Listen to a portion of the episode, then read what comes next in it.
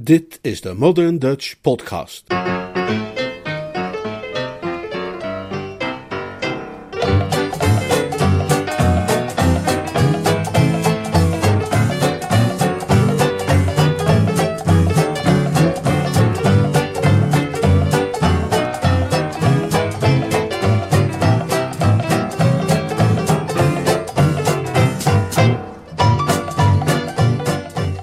Graag gedaan. Roman van P.G. Woodhouse, Service with a Smile, in twaalf hoofdstukken.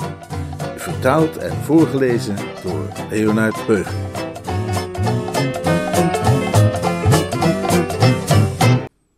Als hij veronderstelde na achtereenvolgens de hertog, Mr. Schoenmaker, Archie Gilpin en Myra audiëntie te hebben verleend eindelijk de rust en eenzaamheid te zullen vinden waar hij zo'n behoefte aan had bij de vertering van het dagelijks ontbijt, dan vergiste Lord Ickenham zich. Deze keer werd zijn sluimer echter niet verstoord door een engelenstem, maar door een geblaat, alsof ergens vlakbij een wat ouder schaap opeens met spraak begiftigd was. Slechts één man die hij kende blaatte op precies die manier, en hij was dan ook niet verbaasd om, nadat hij rechtop was gaan zitten, te ontdekken dat het Lord Emsworth was die om zijn aandacht had gevraagd. De negende graaf hing ineengezakt naast hem, alsof een boosaardige hand zijn ruggengraat had weggenomen. Lord Ickenham had er zich inmiddels bij neergelegd dat hij zich zo ongeveer in de positie bevond van een Franse vorst van het Ancien Regime tijdens zijn lever en toonde dus geen irritatie, maar begroette hem met een glimlach en deelde hem mee dat het een fraaie dag was. De zon, zei hij en wees die aan. Lord Emsworth keek naar de zon en knikte instemmend. Uh, uh, ik, uh, ik kwam je iets brengen. Zo mag ik het horen. Het is wel niet mijn verjaardag, maar voor geschenken sta ik altijd open. Wat was het dat je me kwam brengen? Nou, het, uh, het spijt me te moeten zeggen, maar uh, dat ben ik vergeten. Jammer. Maar uh, kom ik dadelijk wel weer op hoor, denk ik. Ik kan niet wachten, ik tel de minuten. En, en, en er was ook nog iets dat ik je, je wilde vertellen. Maar dat ben je ook vergeten? Nee, dat, dat, dat weet ik nog. Gaat, er, gaat, gaat over de keizerin. Hm? Ik heb er nog eens over nagedacht, uh, ik en hem. Hm? En ik heb besloten om, om de keizerin te kopen van Dunstable. Uh, ik geef toe dat, er, dat ik er even over geaarzeld heb, omdat, omdat de prijs zo hoog was. Hm? Hij, uh, hij vraagt 3000 pond voor haar. Er was heel wat voor nodig om Lord Ickenham zijn gebruikelijke kalmte te doen verliezen, maar bij deze woorden kon hij zijn ontzetting niet bedwingen. 3000 pond voor een varken? Ja, voor, voor de keizerin, hè? corrigeerde Lord Emsworth hem op eerbiedige toon. Een tap in de maag is wat hij verdient. Nee, nee, nee, nee ik, ik, ik moet de, de, keizerin terug hebben, wat, uh, wat het ook kost. Zonder haar ben ik uh, verloren. Ik ben nu op weg naar haar toe. En wie gaat er voor haar zorgen nu Welbeloved er niet meer is? Oh, ja, ik heb Welbeloved toch maar weer in, in dienst genomen zei Lord Emsworth nogal schaapachtig, zoals iemand die weet dat hij slap heeft gehandeld. Ik uh, ja, had geen alternatief. Hè. De, de, de keizerin heeft uh, voortdurende zorg en, en, aandacht nodig. En geen varkensknecht die ik ooit heb gehad uh, begreep haar beter dan, dan Welbeloved. Maar, maar, maar ik heb hem eens goed de mantel uitgeveegd. En, en weet je wat hij tegen mij zei? Hij zei iets dat, dat mij hevig heeft geschokt. Lord Ickenham knikte. Ja, die ruwe jongens van het boerenland gaan vaak wat onzorgvuldig met hun taal om. Ze hebben soms de neiging om een tikje Shakespeareaans te worden in hun woordkeuze. Waar heeft hij je voor uitgemaakt? Oh, hij, hij, heeft me nergens voor uitgemaakt. Maar wat heeft je dan geschokt? Ja, wat hij me vertelde. Hè? Hij, hij, hij, zei namelijk dat dat, dat mens van Briggs, die hem had omgekocht om de keizerin te ontvreemden, in, in opdracht werkte van, van Dunstable. Het was Dunstable die haar weer betaalde. Ik was nog, nog, nog nooit van mijn leven zo, zo verbaasd geweest. Zou ik hem daarop moeten aanspreken, hè? vind je? In de hoop dat hij zijn prijs een beetje bijstelt? Lord Ickenham schudde zijn hoofd. Ik betwijfel of je dat zou helpen. Hij zou doen wat ik zelf ook altijd iedereen adviseer, namelijk glashard ontkennen. Je hebt er immers alleen Welbeloved's woord maar voor, en dat is weinig overtuigend. Ik ben erg gesteld op George Cyril Welbeloved en wissel zo af en toe graag met hem van gedachten. Maar zijn woord zou ik nog niet serieus nemen als het me op een zilveren blaadje werd gepresenteerd, gegarneerd met waterkers. Hij heeft bij deze gelegenheid waarschijnlijk gebroken met een levenslange gewoonte en een keer de waarheid verteld. Maar wat heb je daaraan? Jij weet net zo goed als ik dat Dunstable een man is die nergens voor terugschrikt en die twintig mijl door de sneeuw zou lopen op zijn blote voeten om een hongerig weeskind van een stuiver te beroven. Maar wij zijn nergens zonder bewijs. Kijk, als hij nu een bevelschrift zou hebben opgesteld waarbij hij zijn plannen zwart op wit had gezet, dan konden we. Oh, zei Lord Emsworth. Wat? zei Lord Ickenham. Uh, uh, uh, ik herinner me weer wat, wat, wat ik je eigenlijk kwam brengen zei Lord Emsworth en voelde in zijn zak. Deze brief namelijk, die was tussen de mijnen geraakt. Maar goed, ik, ik ga er vandoor. op weg naar de keizerin. Heb je misschien zin om mee te gaan? Om mee te gaan? Oh, ik begrijp wat je bedoelt. Nee, nee, nu even niet, dank je. Een andere keer misschien? Lord Ickenham sprak nogal afwezig. Hij had de brief opengemaakt en een blik op de handtekening leerde hem dat de inhoud ervan wel eens heel interessant zou kunnen zijn. De afzender was Lavender Briggs.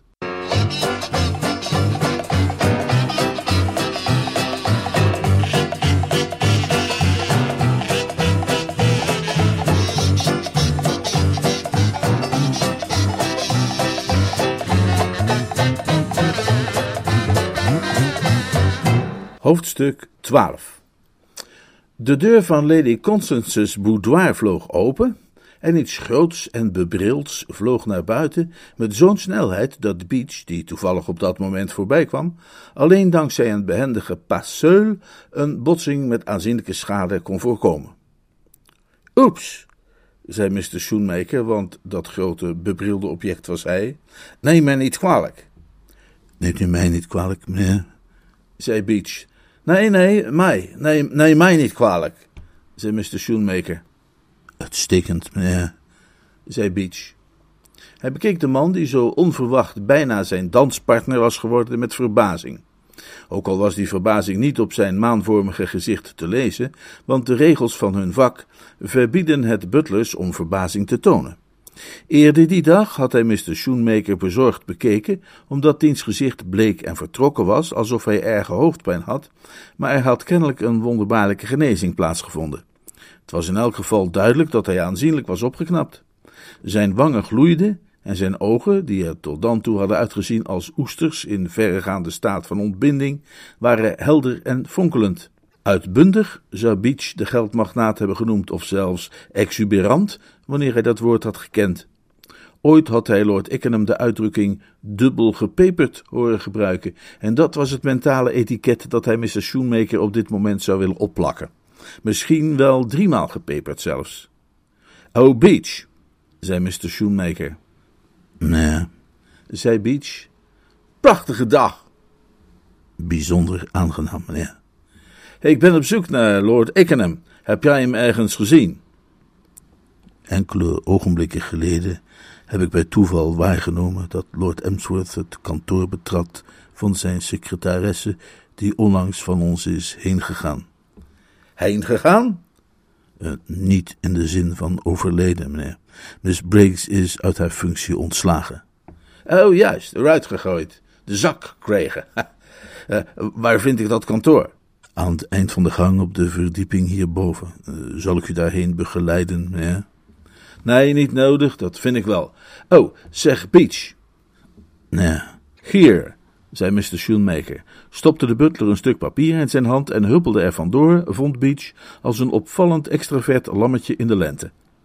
Beach keek naar het stuk papier en aangezien hij alleen was, met niemand van het butlergilde naast zich om hem op de regels van het vak te controleren, snakte hij even verbaasd naar adem. Het was een briefje van tien pond, en het was het derde bewijs van gulhartigheid dat hij in het afgelopen half uur had mogen ontvangen. Allereerst had die charmante jonge dame, Miss Shoemaker, hem een vijfje gegeven, tegelijk met een briefje dat hij aan Lady C. moest bezorgen, en kort daarna had Mr. Merryweather hem geld in de hand gedrukt met wat er volgens hem uitzag als een afscheidsgebaar, terwijl hij er niet van op de hoogte was gesteld dat meneer zou vertrekken. Het kwam Beach allemaal nogal mysterieus voor, hoewel ver van onaangenaam. Mr. Shoemaker had intussen, onderweg slechts hier en daar even de grond aantippend, Lavender Briggs kantoor bereikt. Daar vond hij Lord Ickenham achter het bureau gezeten. Hij barstte onmiddellijk los. Ha, Freddy, de butler zei dat je hier was. Daar had hij dan gelijk in. Hier ben ik, zoals voorspeld. Ga zitten. Ik kan niet gaan zitten. Daar ben ik veel te opgewonden voor. Je vindt het toch niet erg als ik hier een beetje blijf rondwandelen? Ik wilde je spreken, Freddy. Ik, ik wilde dat je de eerste zou zijn om het te horen. Weet je nog dat ik tegen jou heb gezegd dat ik, als ik Lady Constance tot vrouw zou kunnen krijgen, uh, de gelukkigste man op aarde zou zijn? Ja, dat weet ik nog. Dat waren letterlijk jouw woorden. Juist. En dat ben ik nu. Iets van de verbijstering die recentelijk vertoond was door Beach, tekende zich nu af op het gezicht van Lord Ickenham. Dit was een volstrekt onverwachte ontwikkeling. Als scherpzinnig beoordelaar van kansen had hij verondersteld dat alleen een oneindig geduld en een onvermijdelijke reeks van stimulerende gesprekjes de man voldoende hard onder de riem hadden kunnen steken om hem te maken tot wat hij nu zomaar opeens leek te zijn: een Casanova, een Don Juan, een, een razende veroveraar. Zijn oude vriend had hem tijdens de vorige gesprekken die zij samen hadden gevoerd uiterst moeizaam verleidersmateriaal geleken, en hij had er wel haast aan gewanhoopt een goede afloop tot stand te kunnen brengen. Want als een aanbidder de moed verliest, telkens wanneer hij het object van zijn bewondering van opzij beziet, zal hij zelden iets concreets kunnen bereiken. Toch was het duidelijk dat er nu iets was gebeurd, waardoor James Schoenmaker was veranderd van de angsthaas die hij was geweest in een ladykiller die Don Juan zich niet geschaald zou hebben de hand te schudden. Jimmy, je hebt weer aan de Pinksterblom gezeten. Helemaal niet. Weet je het zeker? Natuurlijk weet ik dat zeker. Nou, ik ben blij te horen, want dat zou ik niet aanbevelen zo vroeg op de dag. En desondanks heb je een huwelijksaanzoek gedaan, zeg je? En nog wel tot mijn genoegen met groot succes. Hoe heb jij die verlegenheid van jou overwonnen? Die hoefde ik helemaal niet te overwinnen. Toen ik haar daar zo zag zitten, terwijl de tranen over haar wangen stroomden, verdween al mijn verlegenheid als vanzelf. Ik voelde mij sterk en een echte beschermer, en ik haastte me naar haar toe. En toen greep je haar vast. Niets ervan. Maar je wiebelde haar heen en weer. Absoluut niet. Ik boog me naar haar over en nam voorzichtig haar hand in de mijne. Connie, zei ik. Connie. Precies. Eindelijk. Ik wist dat het je vroeg of laat zou gaan lukken. En toen? Oh, James, zei ze. Ja, qua dialoog ben ik er tot zover niet echt kapot van, maar dat werd misschien later beter. Wat zei je daarna? Connie, liefste, zei ik. Wat is er? Ja, ik kan me voorstellen dat je daar nieuwsgierig naar was. En wat, wat was er aan de hand? Mr. Schoenmaker, die intussen al maar heen en weer had gelopen, zoals ijsberen en ook wel tijgers doen in de dierentuin, onderbrak plotseling zijn pas en bleef staan. Alle levendigheid trok weg uit zijn gezicht, als werd daartoe een knop omgedraaid. Hij zag eruit als iemand die zich plotseling iets onplezierigs herinnert, wat ook inderdaad het geval was. Wie is die vent Merryweather? vroeg hij op felle toon. Merryweather? Zei Lord Ickenham, die er al zo'n vermoeden van had gehad dat die naam wel spoedig ter tafel zou komen. Heeft Connie je niets over hem verteld? Nee, alleen dat jij hem hebt meegebracht. Lord Ickenham kon die terughoudendheid wel begrijpen. Hij herinnerde zich dat zijn gastvrouw, toen een en ander bij hun laatste overleg ter sprake kwam, besloten had dat het maar het beste was om te zwijgen. Het zou lastig geworden zijn, had ze toen gezegd, om wanneer de feiten haar aanstaande ter oren zouden komen, uit te leggen waarom ze het goed had gevonden dat Bill nog langer haar gastvrijheid genoot. Ja, hij is met mij meegekomen. Hij is een jonge vriend van mij. Zijn naam is eigenlijk Bailey, maar hij reist gewoonlijk incognito. Hij is een hulppredikant. Hij hoedt de zielen van de gelovigen te Bottleton East, een wijk in Londen waar hij bijzonder wordt gerespecteerd. En ik zal je nog iets vertellen over deze Bill Bailey, Jimmy.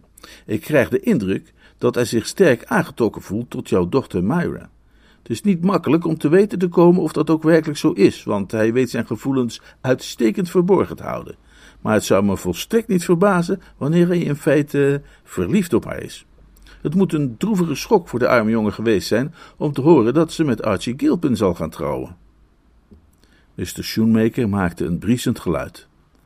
Diens gewoonte om af en toe een ploffende papieren zak te imiteren, was Lord Ickenham nog onbekend. Waarschijnlijk, dacht hij, iets dat hij zich had aangewend sinds hij tot de financiële elite behoorde.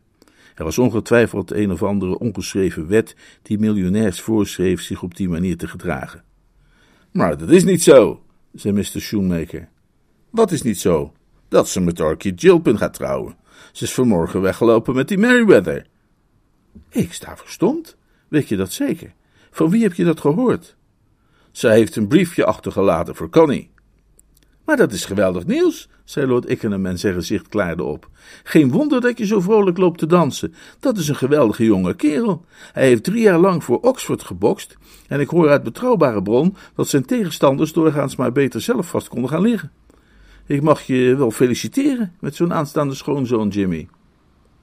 Mr. Shoemaker leek wat moeite te hebben dat enthousiasme te delen. Ik noem het een ramp. En Connie denkt er ook zo over. Dat is waarom de tranen haar over de wangen stroomden. En ze zegt dat jij voor die ramp verantwoordelijk bent. Wie? Ik? zei Lord Ickenham verbaasd, zich onbewust van het feit dat het copyright op die woorden berustte bij George Cyril Wellbeloved. Wat heb ik daarmee te maken? Jij hebt hem hierheen gebracht. Alleen omdat ik vond dat hij er wat bleekjes uitzag en wat gezonde buitenlucht kon gebruiken. Nee, eerlijk waar, Jimmy, zei Lord Ickenham ernstig. Ik begrijp niet wat jij te klagen hebt.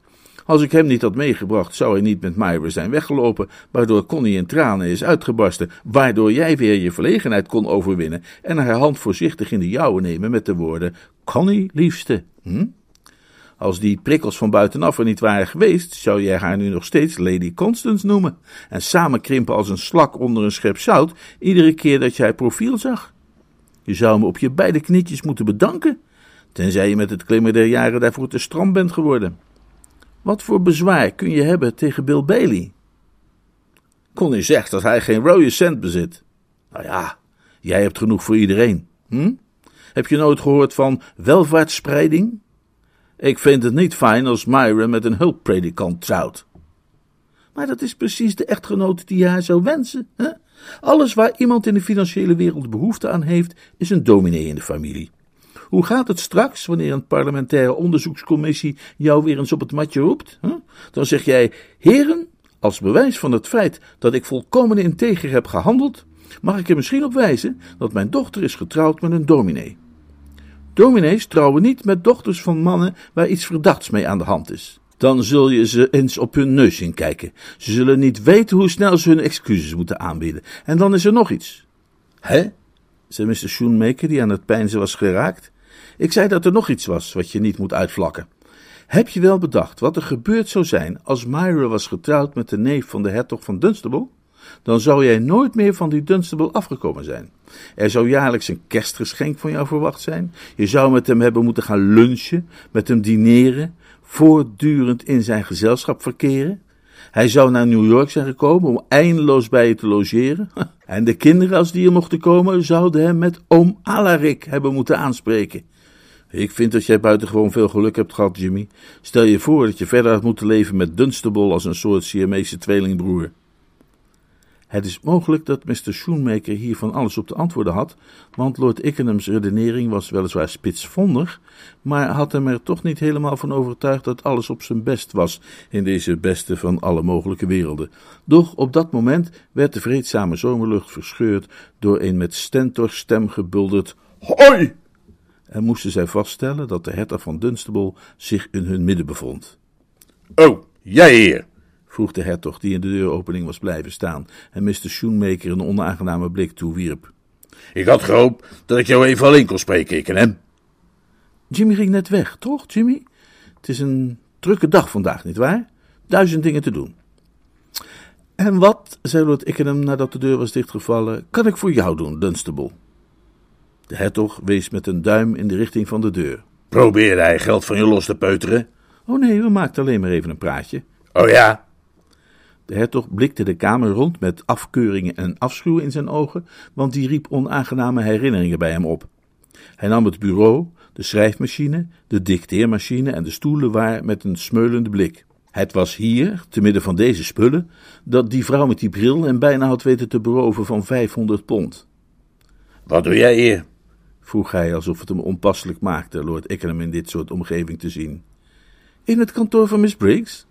Ik heb vanmorgen een brief van haar gekregen met het verzoek hier even een paar dingetjes voor haar te doen. Ze is, zoals je je zult herinneren, nogal overhaast vertrokken. Waarom schreef ze jou dan precies? Ik denk dat ze het gevoel had dat ik haar enige vriend was op kasteel Blandings. Jij? Een vriend van haar? Maar we stonden op behoorlijk goede voet. Dan moet ik je toch heus adviseren voortaan je vrienden wat zorgvuldiger uit te zoeken. Op goede voet. Nou ja, zeg.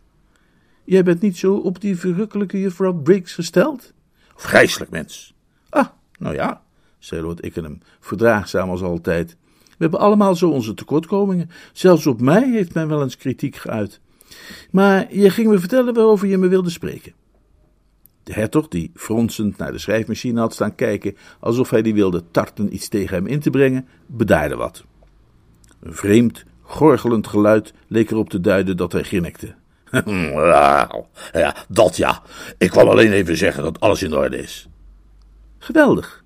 Wat is er dan precies allemaal in orde? Nou, dat met het opdondertje. Over welk opdondertje hebben we het dan?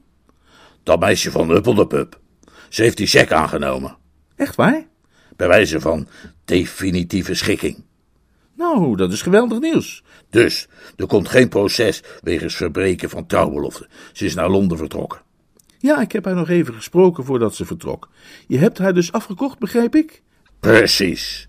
Alsjeblieft, zei ik. En ik wapperde met die cheque voor haar neus. Nou, ze aarzelde geen ogenblik. Ze greep ten haar als een zeehond naar een dode vis. Daar had ik wel gedacht. Dan kunnen ze niet weer staan, hè? Geld. Ik heb Archibald net verteld dat ze een. Wat was die uitdrukking ook weer die jij gebruikte? Toen je me vertelde dat hij uit zijn betrekking ontslagen was.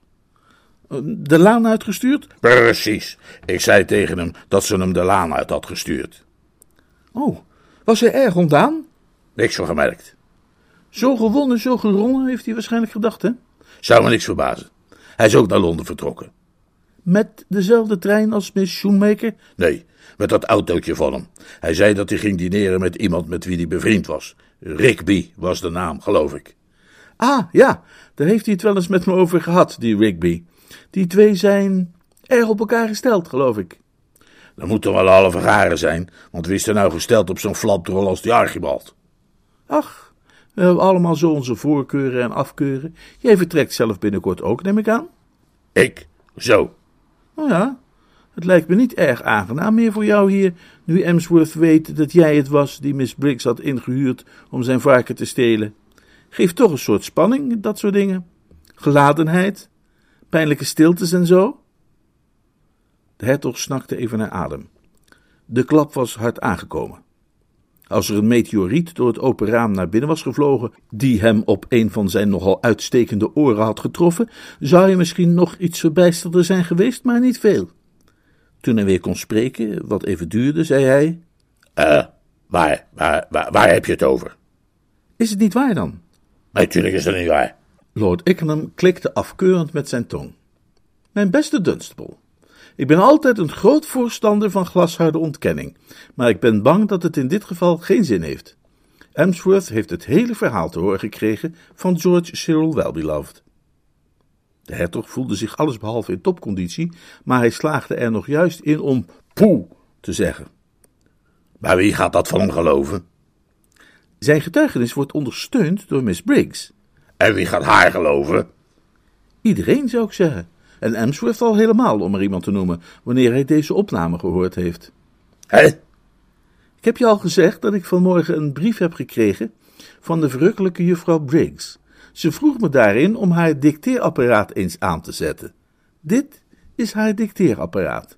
Want, schreef ze, dat zal dat oude stuk geboefte, en ik denk zo dat ze jou daarmee bedoelt, iets geven om over na te denken. En dat ga ik nu dus doen, zei Lord Ickenham. Hij drukte op de knop en een stem vulde de ruimte. Ik, Alaric, hertog van Dunstable, beloof hierbij plechtig aan u, Lavender Briggs. De hertog ging met een plof zitten. Zijn mond was wijd opengevallen en hij leek plotseling al even weinig botten in zijn lijf te bezitten als Lord Emsworth. Dat wanneer u, Lord Emsworth Varken, de keizerin van Blandings voor mij steelt en aflevert bij mijn huis in Wiltshire, ik u de somma zal betalen van 500 pond. Dat ben jij, zei Lord Ickenham, in vergadering bijeen met La Briggs. Zij had uiteraard uit voorzorg dit apparaat vast ingeschakeld. Dat geeft altijd wat meer zekerheid wanneer het gaat om mondelinge overeenkomsten. Tja, Ik weet niet hoe jij de situatie verder beschouwt, maar mij lijkt het dat Emsworth en jij zo ongeveer zijn als twee cowboys in de Malamute Saloon die elkaar in de tang hebben. Jij hebt dat filmpje van de kleine George en hij heeft deze geluidsband of hoe het heten mag. Ik stel voor eerlijk ruilen, gelijk oversteken. Of heb je liever dat ik Emsworth hierheen haal en die opname voor hem afspeel? Ik zou dat niet willen aanbevelen. Ik heb het idee dat de gevolgen daarvan bijzonder onaangenaam zouden zijn voor jou. De hertog verstijfde, volkomen onthutst. Die kerel had gelijk. Als dit bekend werd, zou niet alleen zijn naam een aanfluiting worden, een beschimping, zodat wanneer hij zichzelf in de toekomst weer eens ergens uitnodigde, zijn gastheer en gastvrouw zich zouden haasten hun waardevolle voorwerpen in een stevige kist te bergen en op het deksel te gaan zitten. Maar bovendien zou Emsworth een proces tegen hem beginnen wegens samenzwering of iets met voorbedachte raden of hoe het heten mocht, en hem aanzienlijke boetes en schadevergoedingen laten opleggen. Vrijwel zonder weifeling stak hij zijn hand in zijn zak en haalde het filmrolletje tevoorschijn dat hij bij zich had gedragen sinds de kleine George het hem gegeven had. Alsjeblieft, en krijg wat. Oh, dankjewel. Nu is iedereen gelukkig. Hm? Emsworth heeft zijn varken, Myra haar Bill en Archie zijn Millicent Rigby. De hertog schrok op. Zijn wat, Rigby? Oh ja, dat had ik je moeten vertellen.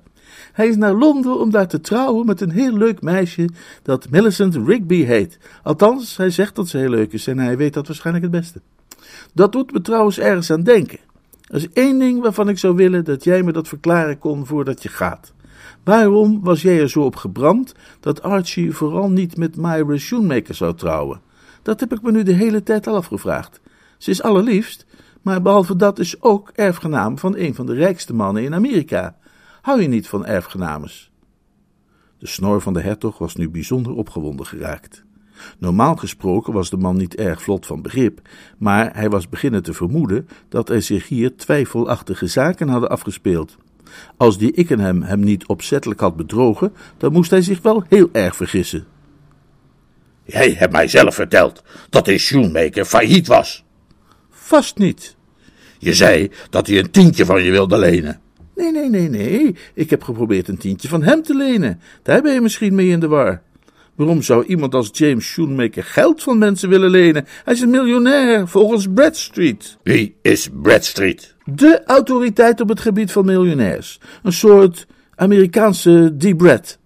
Het blauwe boekje, zeg maar. Bradstreet is heel uitgesproken wat betreft James Shoemaker. Stinkend rijk is de uitdrukking die ze geloof ik gebruiken. De hertog bleef zich de hersens breken over dit probleem. Hij was er nu meer dan ooit van overtuigd dat hij bedrogen was. En waarom heeft ze die cheque van mij dan aangenomen? Ah, ja, dat zullen we nooit te weten komen. Misschien alleen een meisjesachtige bevlieging?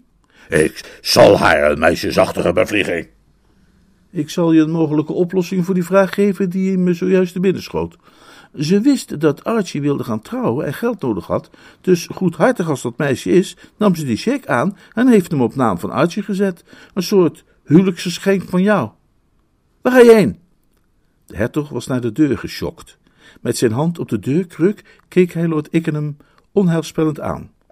Ik zal jou zeggen waar ik heen ga. Ik ga opbellen naar mijn bank om die cheque tegen te houden. Lord Ickenham schudde zijn hoofd. Dat zou ik maar liever niet doen. Ik heb nog altijd die geluidsopname, weet je wel. Ik wilde hem juist aan jou geven, maar als jij checks gaat tegenhouden, zal ik dat ingrijpend moeten heroverwegen. Het bleef een poosje stil, voor zover het stil kon zijn in een kleine ruimte waar de hertog tegen zijn snor stond te puffen. Ik zal hem je morgenavond geven, nadat die cheque is uitbetaald. Het is niet dat ik je niet vertrouw, Dunstable. Het is eenvoudig dat ik je niet vertrouw.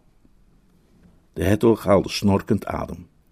Er waren niet veel mensen op wie hij gesteld was, maar hij doorzocht vruchteloos zijn herinnering om iemand te bedenken op wie hij nog minder gesteld was dan op zijn huidige gezelschap.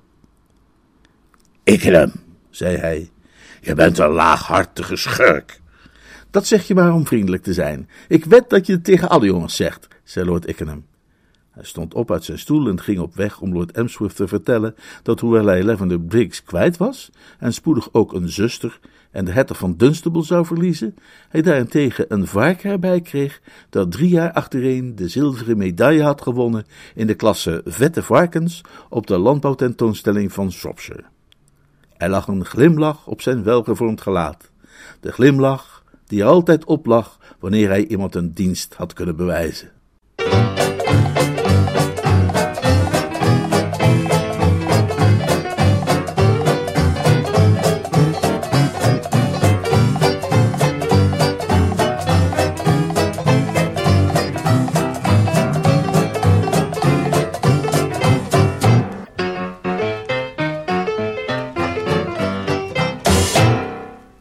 Onze nieuwe vertalingen van P.G. Woodhouse worden in boekvorm uitgegeven door uitgeverij IJzer in Utrecht en zijn verkrijgbaar bij de boekhandel, rechtstreeks bij de uitgeverij of via leonard.moderndutch.nl.